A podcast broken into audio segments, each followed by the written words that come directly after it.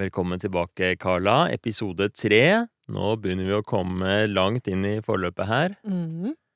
Hvordan har du hatt det siden sist? Uh, egentlig ganske bra.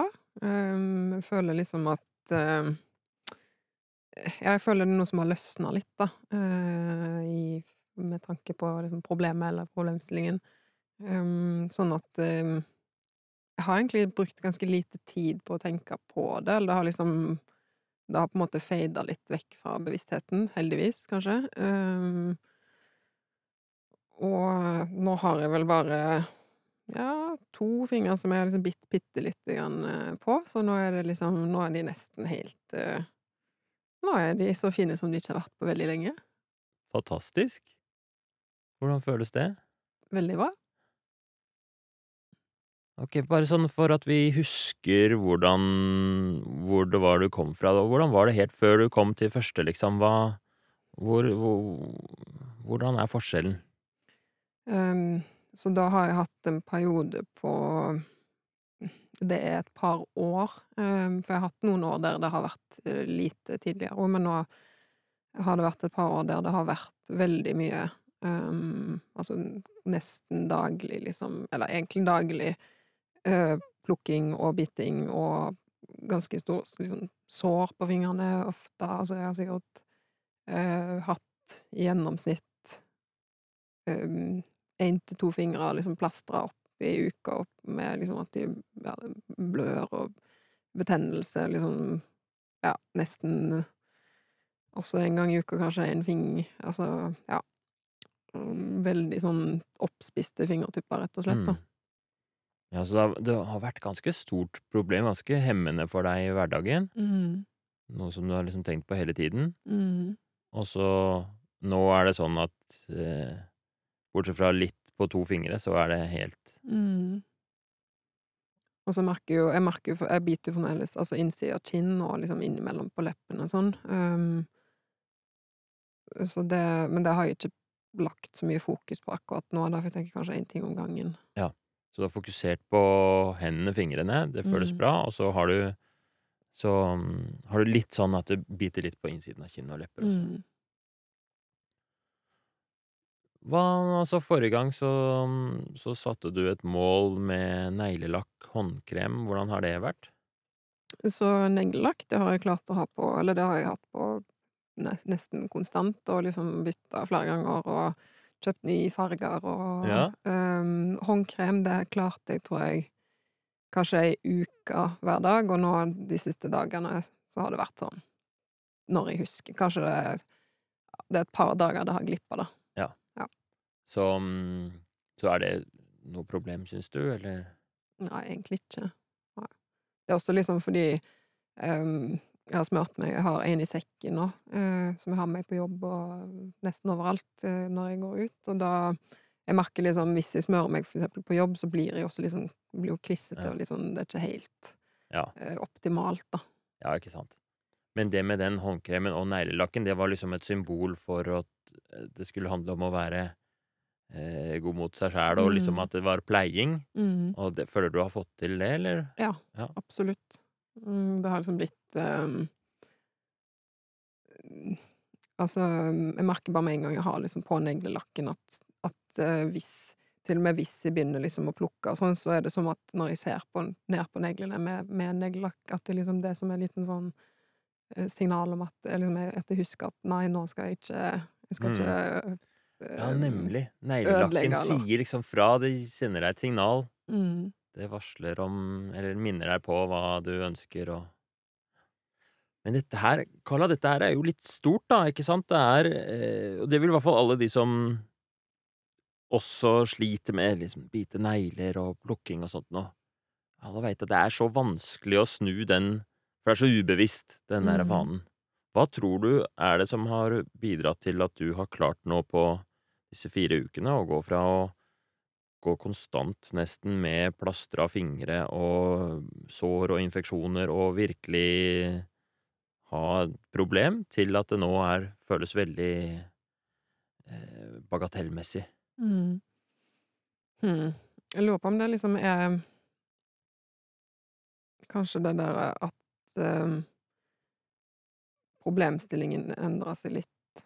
At det eller liksom mindsettet mitt endrer seg litt, at istedenfor å kjempe imot det, da, sånn som jeg på en måte har gjort, og Mm. og starta med at jeg skulle liksom slutte å gjøre det fordi det var dårlig, eller det var feil, eller at det liksom eh, Til at det gikk til at, at jeg liksom har endra litt til at eh, til å jobbe med det, da, eller kanskje at eh, bare mm, akseptere det litt, og heller gjøre det om til en sånn ja, liksom gøy gøy ting. Gøy ting. At det ble en mer sånn lystbetont, mer gøy, mer eh, Mer å gjøre noe med istedenfor å gjøre noe mot, liksom. Mm.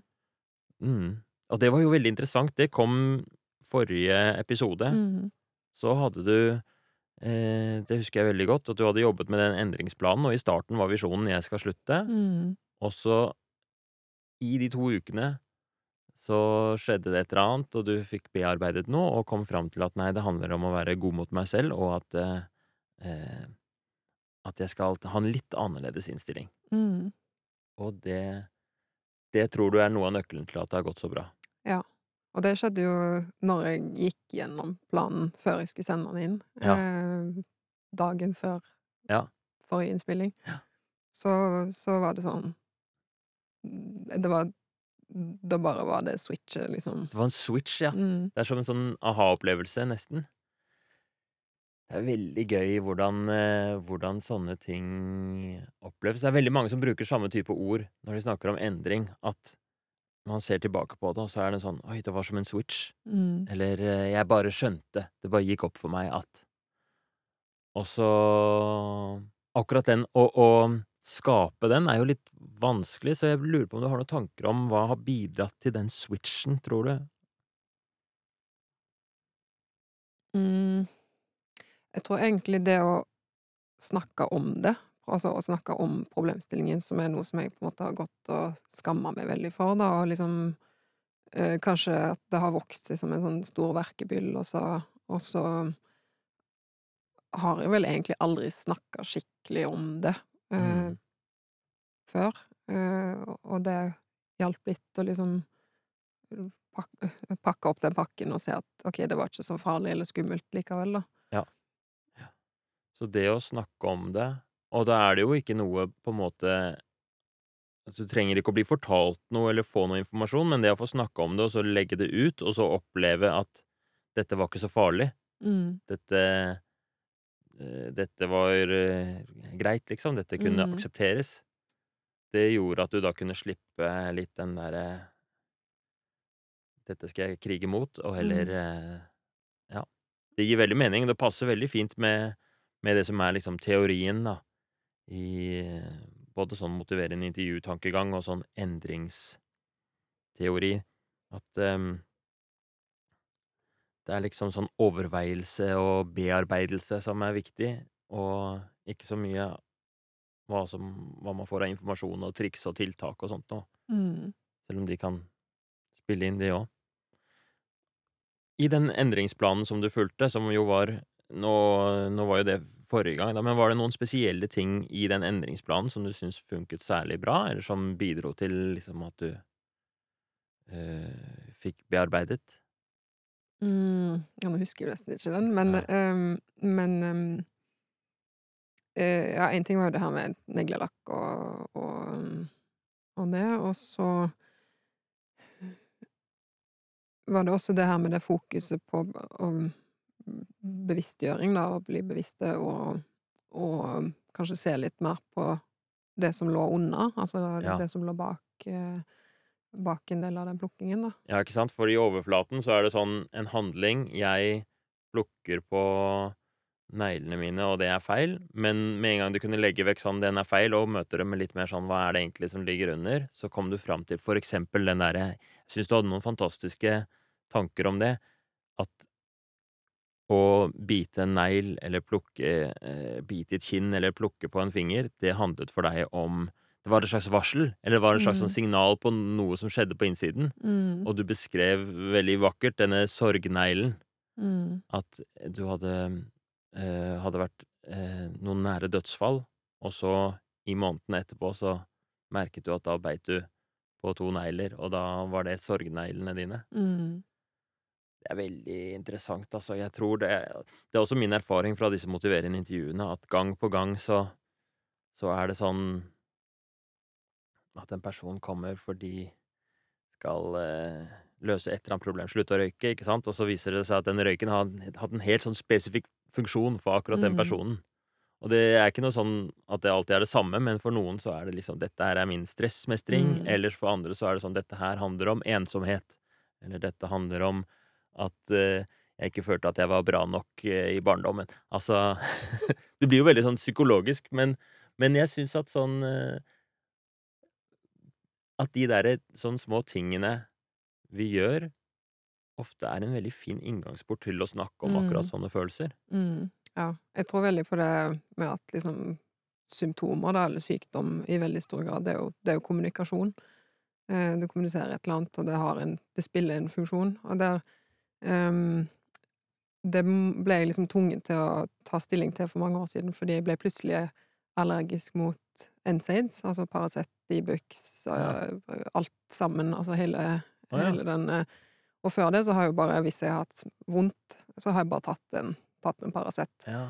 Uh, og så plutselig så kunne jeg ikke det lenger, da, og så var det sånn OK, nå har jeg vondt her, hva betyr det? Hva, Mm. hva, trenger, hva trenger kroppen min nå, eller hva trenger OK, men da må jeg være hjemme fra jobb, eller jeg må drikke litt vann, eller jeg må um, Jeg kan ikke bare døyve eller dempe, Det var veldig dempe smerten.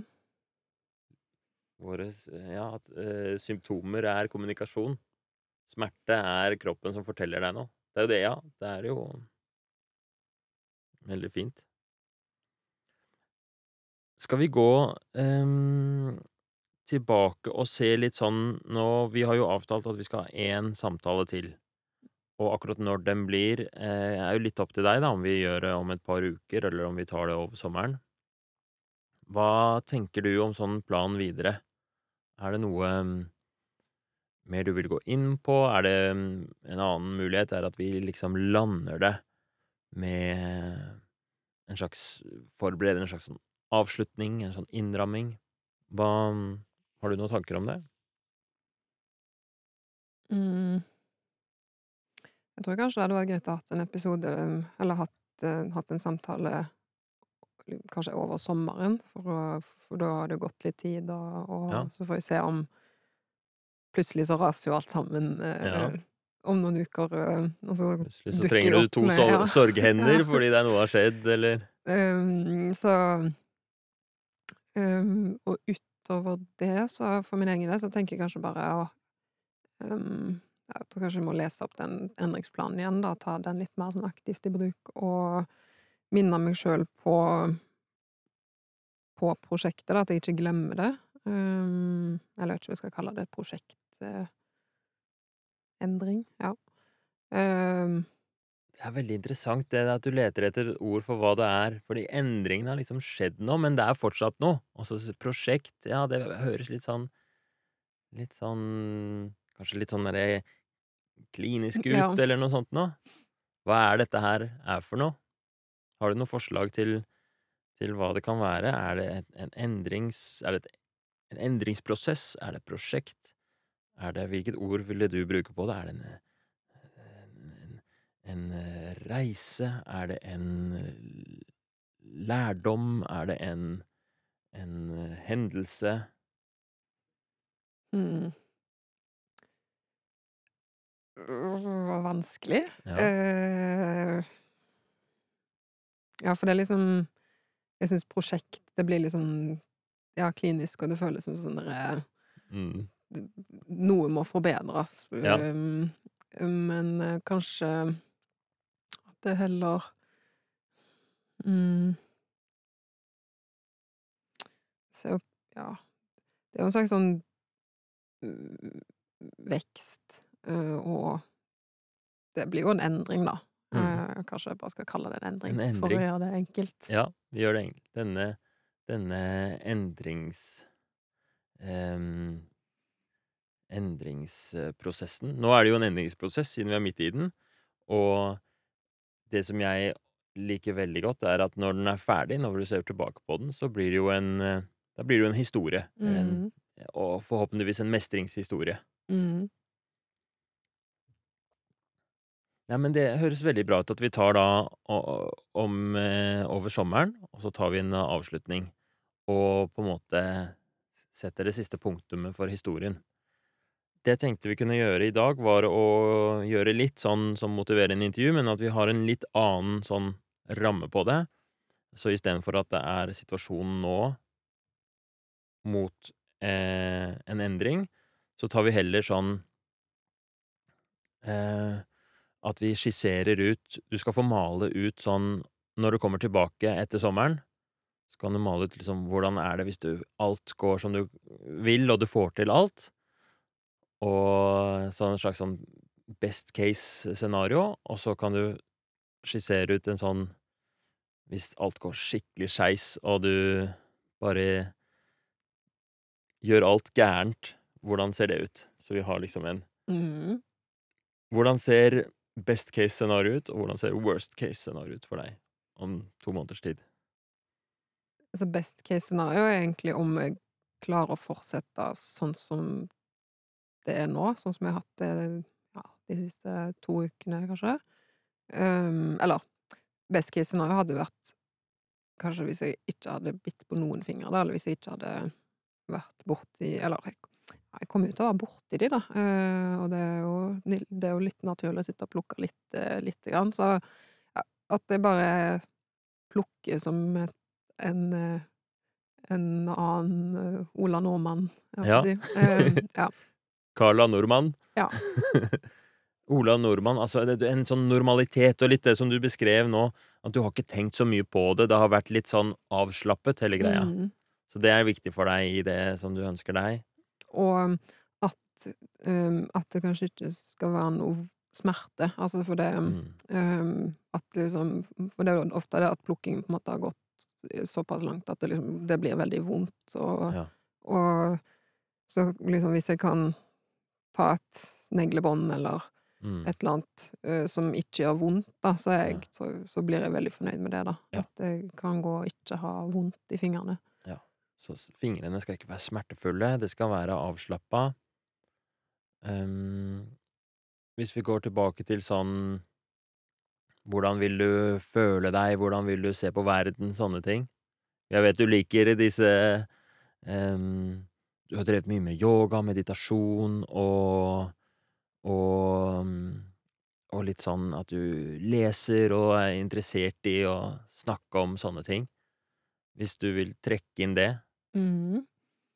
Eh Det høres kanskje litt sånn klisjé ut, men jeg føler kanskje at at, eh, det å være mer meg sjøl, eller liksom mer eh, autentisk, og litt mer sånn tilfreds i og til stede og uh, tar valg som på en måte er mer mer in line eller aligned med det jeg egentlig ønsker, da, eller det jeg trenger, og Ja. det som er bra for meg. Ja. Det er Um, morsomt hvordan de henger sammen, og det at det liksom Disse store, uh, tingene, og at det henger sammen med liksom noe så konkret mm, som å ikke ha smerter i fingrene. mm. Og så merker jo bare nå, eh, for eksempel på bussen eller på på offentlig transport nå, så så har jeg plukka veldig lite, eh, og det har også medført at jeg er mye mer til stede på bussen. At jeg Mm. sitter og kikker meg litt rundt, eh, at jeg kan høre på et eller annet, eller ikke jeg trenger ikke høre på noen gang, men bare um, at jeg bare rett og slett er litt mer til stede, kikker Ja. ut av vinduet og uh, observerer og tar inn. For det er sånn veldig tydelig man kan observere på deg, liksom, at hvis du har det bra, så sitter du på bussen og ser rundt deg, men hvis du har det dårlig, så er det å Mm, så er jeg liksom Det blir jo Det er nesten som at jeg jeg liksom kobler vekk, eller liksom dissosierer nesten litt med når jeg plukker. At det liksom Ja. er Ja, rett og slett kobler litt fra. Ja, for husker jeg riktig at liksom kollektivtrafikk var en typisk eh, sted hvor det var vanskelig? Mm, Hvor det ofte ble mye mm, plukking? mm. Mm.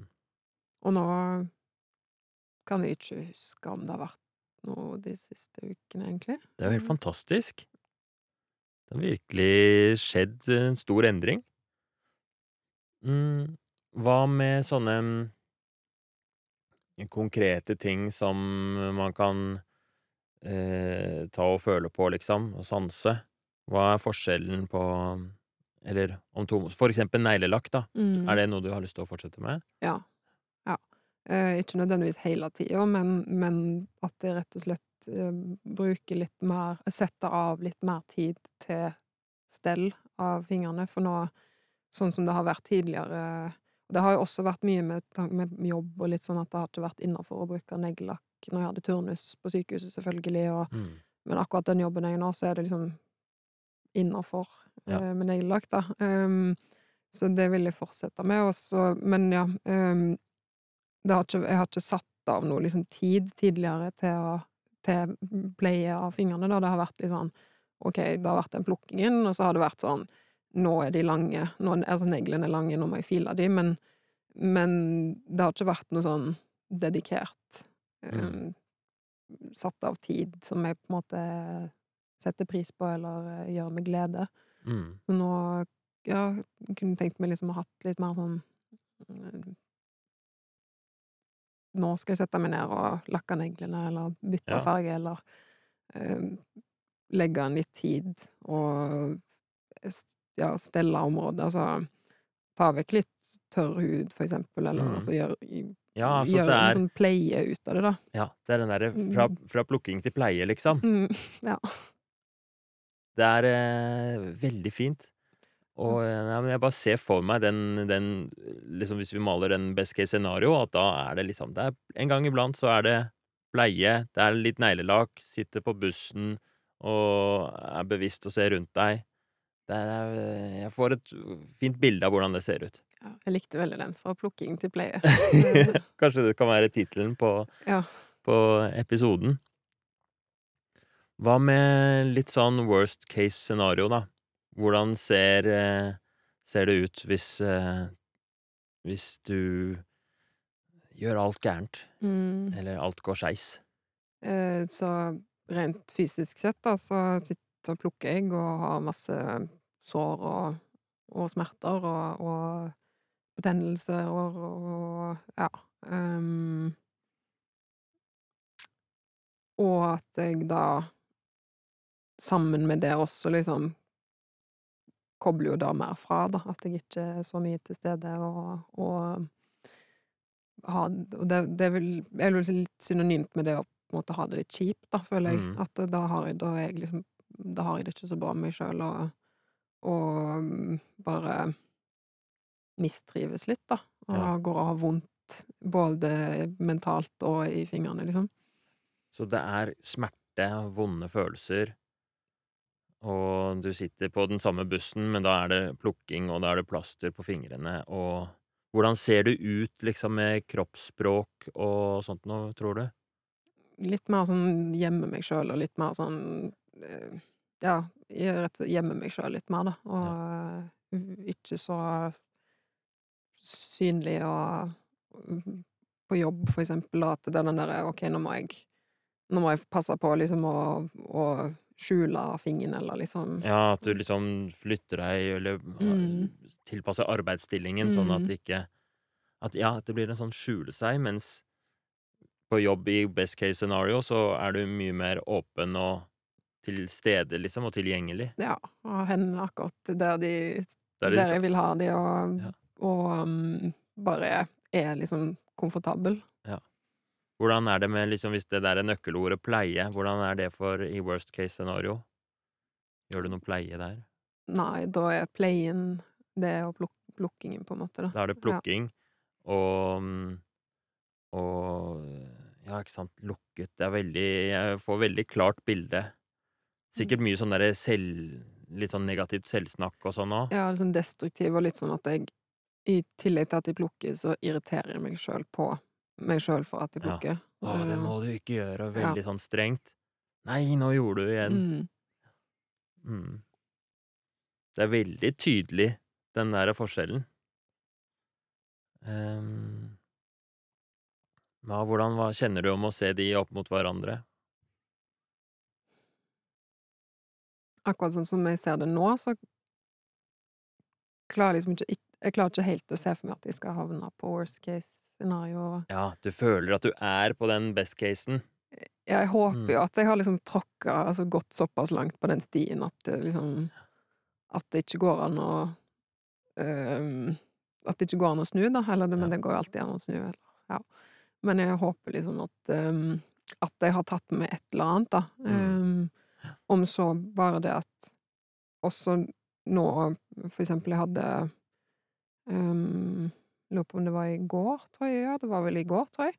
Um, at jeg uh, tok og liksom plukka litt på en, på en finger, og så Og så merka jeg liksom at jeg begynte å bevege meg inn på den 'Å nei, dette må jeg ikke gjøre', eller 'uff, nei', og så ehm, Og så switcha jeg over til sånn 'ja ja', eller sånn 'det er nå Det var nå bare litt', Ja. eh, og det ehm, Det går helt greit. Ja, så du gjenkjente det som Du hadde en situasjon som var en sånn type situasjon som oppsto, og så kom det eh, et tankemønster, det kom noen tanker som var sånn 'Nei, det måtte du ikke gjøre, dette er krise'. Mm. Sånne negative eller destruktive tanker, kanskje. Og så klarte du å gjenkjenne de, og så klarte du å legge til noen litt alternative tanker som var sånn 'Ja, dette går bra, dette er ikke så Mm. farlig'. Og inn på sånne Du nevnte jo også forrige gang sånn eh, at det handlet om å være god mot seg selv, kjærlighet til seg selv, som også liksom ligger i dette ordet pleie. Husker du hadde det Det var veldig fint, syns jeg, det at du kunne liksom Oi, du var i gang med fingeren, og så ga du fingeren et lite kyss, og så ble det ble det en sånn veldig Jeg er veldig fan av sånne symboler og sånne liksom og så er jeg veldig fan av den neglelakken som metode, liksom. For det blir noe som man kan se, og man kan føle på, og man kan høre, og man kan kan kanskje ikke høre neglelakk, men men eh, alt som er sansbart, er veldig virkningsfullt i den sammenhengen, da. Og gjør det lettere å jobbe med disse dype prosessene. Mm. Dette er jeg er veldig syns det var veldig fint å høre om, ø, den der veldig kontrasten mellom, ehm, det worst case og best case scenario, og så var det kult å høre at du føler at du vel at du har kommet deg på en sånn trygg sti mot det du ønsker, og det høres helt det høres veldig realistisk ut. Det høres også for meg urealistisk at det skal bli sånn worst case, da.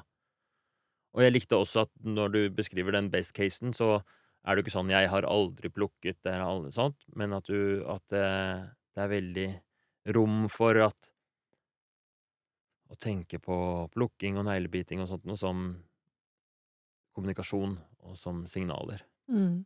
Mm. Det var noen jeg snakka med uh, forrige uke, uh, som uh, som som jeg nevnte dette her for, da, og så og så ble jeg møtt med sånn Ja, men plukking er jo helt vanlig. Hva hva tror du de gjorde før i tida, da, når de ikke hadde neglesaks, liksom? De måtte jo de måtte jo bli kvitt liksom neglene sine på et eller annet vis, eller Mm. Og mm, at det ble liksom Det ble veldig sånn normalisert, da. Ja. Og, da og det er jo en sånn ting som hjelper veldig. Og bare sånn Ja, ja, men det er litt sant at det jo det er jo helt naturlig også å sitte og plukke litt. grann. Um, alle, alle gjør det vel til en viss uh, Mm. liten grad, da. Um, og så, ja, for min del så har jeg nok kanskje tidligere tenkt sånn Jeg må slutte 100 liksom. Um, og det har jo vært umulig. Mm. Og hvis, når jeg da har klart å kanskje hatt en periode uten plukking, og så plukka litt, så liksom Så Så ramler kortet ut, liksom. Ja, for da er det sånn 'Å nei, nå har jeg feila'. Um, men nå tenker jeg at plukking er jo ikke så veldig farlig, på en måte. Det er Ja. bare Mye sånn sunnere approach. Mm.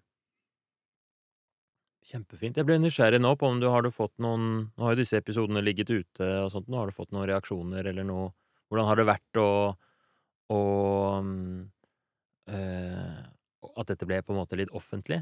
mm, Så jeg har ikke delt det med noen. Eller jeg har ikke delt episodene med noen. Øh, men jeg har snakka om, om det med et par stykk.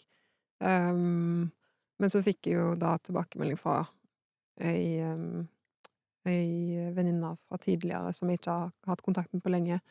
Um, og det var bare veldig hyggelig. Ja, Sånn, god inngangsport til, mm. til en samtale.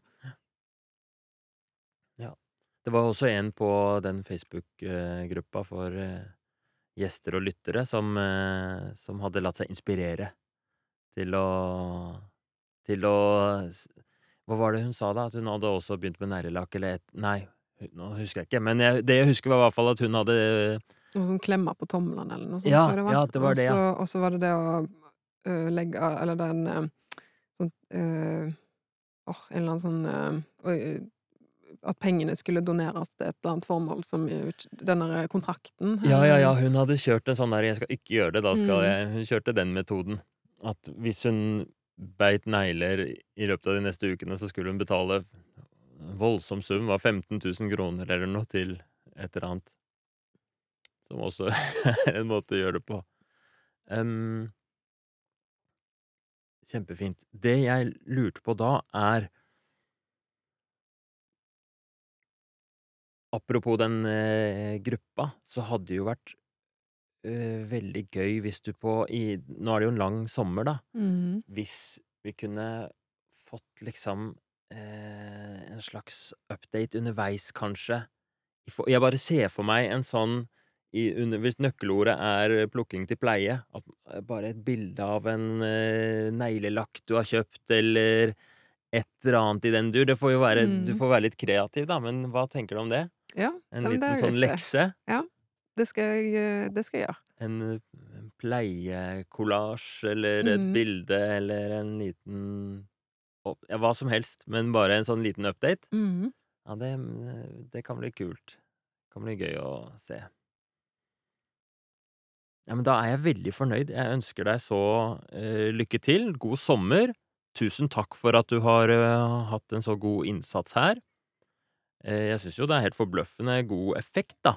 At du har, eh, du har virkelig jobba knallhardt. Altså, den endringsplanen du skrev, som vi jo la ut på gruppa, var jo helt, eh, helt utrolig bra, og man ser jo hvor godt du har jobba med det, og din derre, ehm, den derre innsikten du har delt om hvordan dette handler om å være god mot seg selv og pleie seg selv, heller enn å stoppe seg selv fra en uvane, liksom. Den tror jeg Mm. har vært veldig viktig.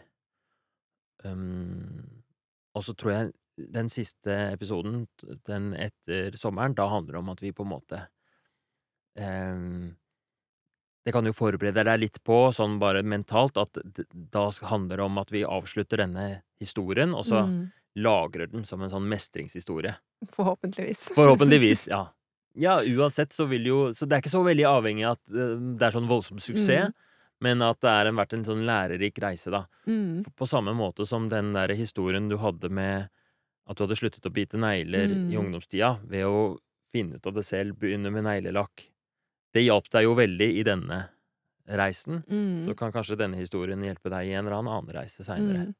Og det hadde jeg egentlig Det har jo eh, Det er sånn at nå når jeg tenker over det, sånn herregud, så, så lite Altså sånn at jeg ikke har tenkt på det før. Eh, når du spurte om eh, Ja, du spurte Det var du som spurte meg om hvordan jeg hadde slutta å bite.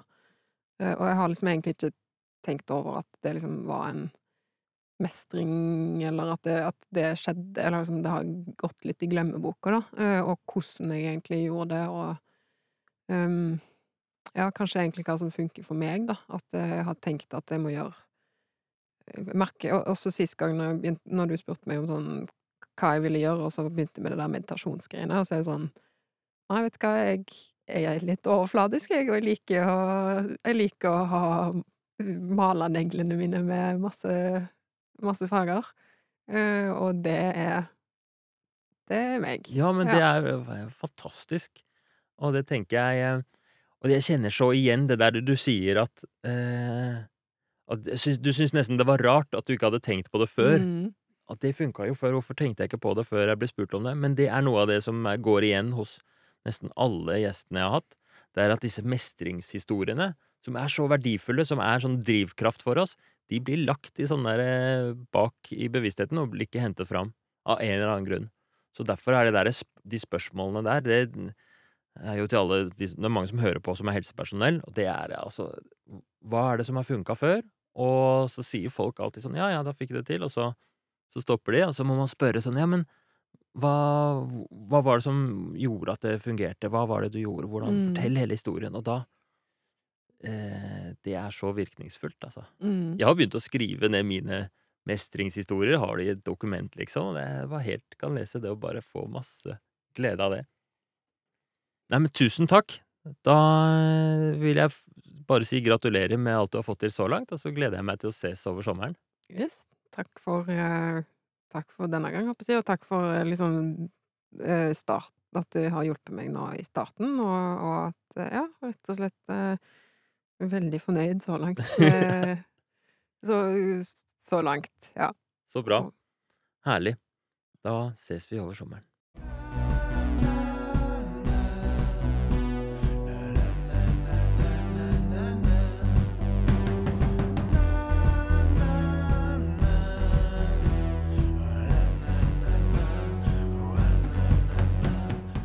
Ok, så hvordan syns jeg dette gikk? Altså, det er veldig gøy å drive med motiverende intervju eller enhver form for eh, legearbeid når det går bra, og eh, så morsomt at Carla kommer tilbake etter bare to samtaler og virkelig har eh, fått skikkelig fått til en skikkelig endring, da.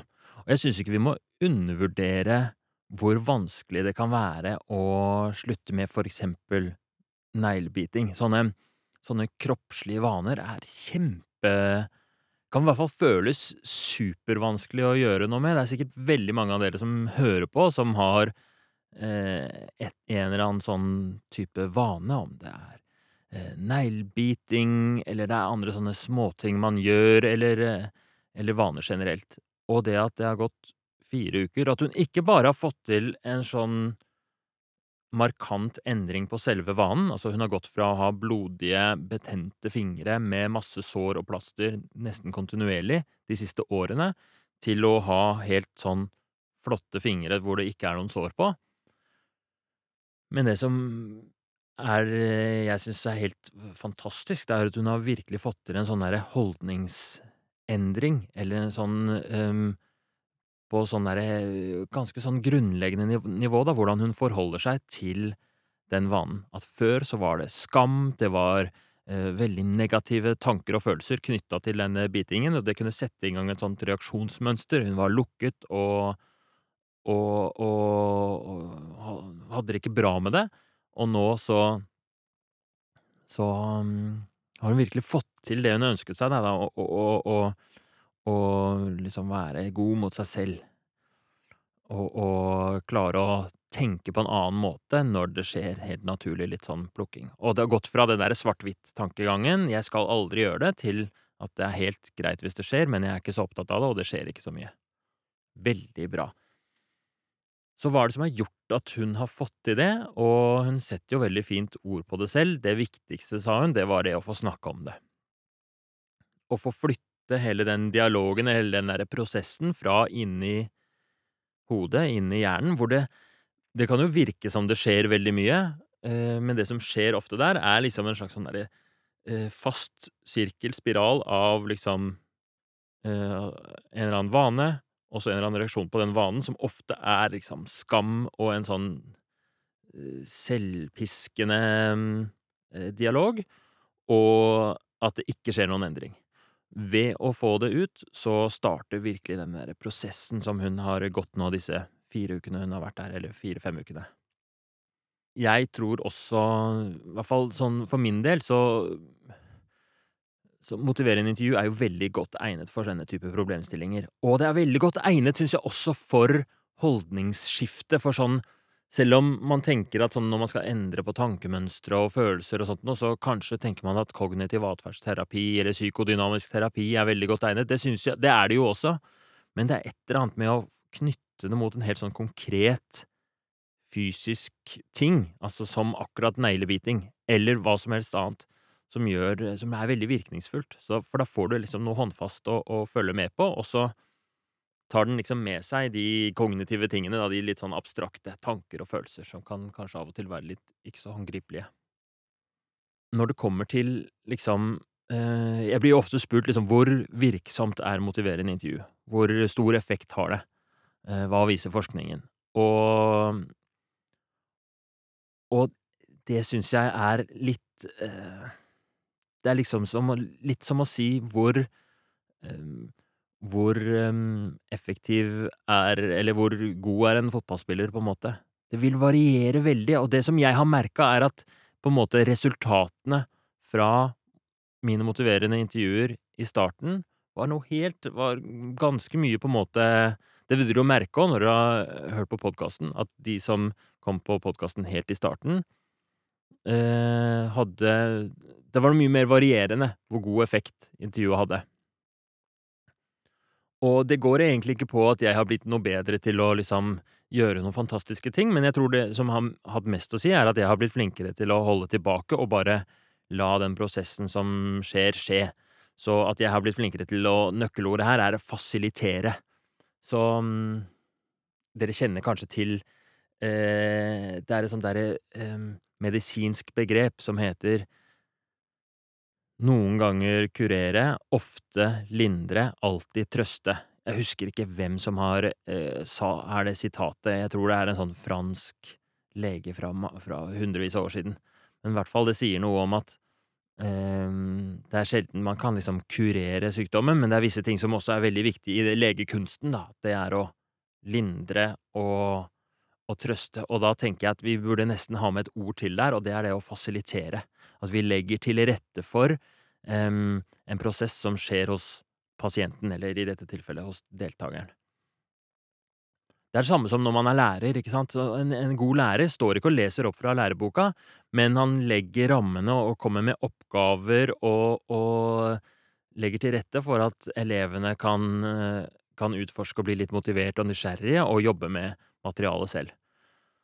Og ehm, og det er det som jeg tenker det er det som er endringen på mine motiverende intervjuer nå, kontra for uh, i, i 2018, da jeg starta, at den blitt mye flinkere til å fasilitere og sitte, lene meg tilbake og la liksom prosessene skje.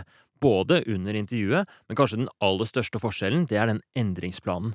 Så før, mellom intervju 1 og intervju 2, så var det ingen, uh, ingenting som skjedde. Pasienten gikk hjem og hadde et mål, og så prøvde de å få til det målet. Og eh, veldig ofte kom de tilbake og bare 'Ja, nei, men det gikk litt skeis sånn og sånn', eller 'Det gikk bra, men' At det var liksom Det var sånn bingo. For de hadde ikke fått til å fasilitere egentlig noen sånn prosess mens de var borte. Um, men det er i mellomrommene at liksom magien skjer. Det er ofte mellom to Eh, episoder eller to konsultasjoner at liksom veldig mye av endringen skjer, og det med å få på plass den derre endringsplanen, hvor de får en liten oppgave hver dag i de to ukene, det har jeg opplevd som ekstremt virkningsfullt, altså. Det virkelig gjør noe med det.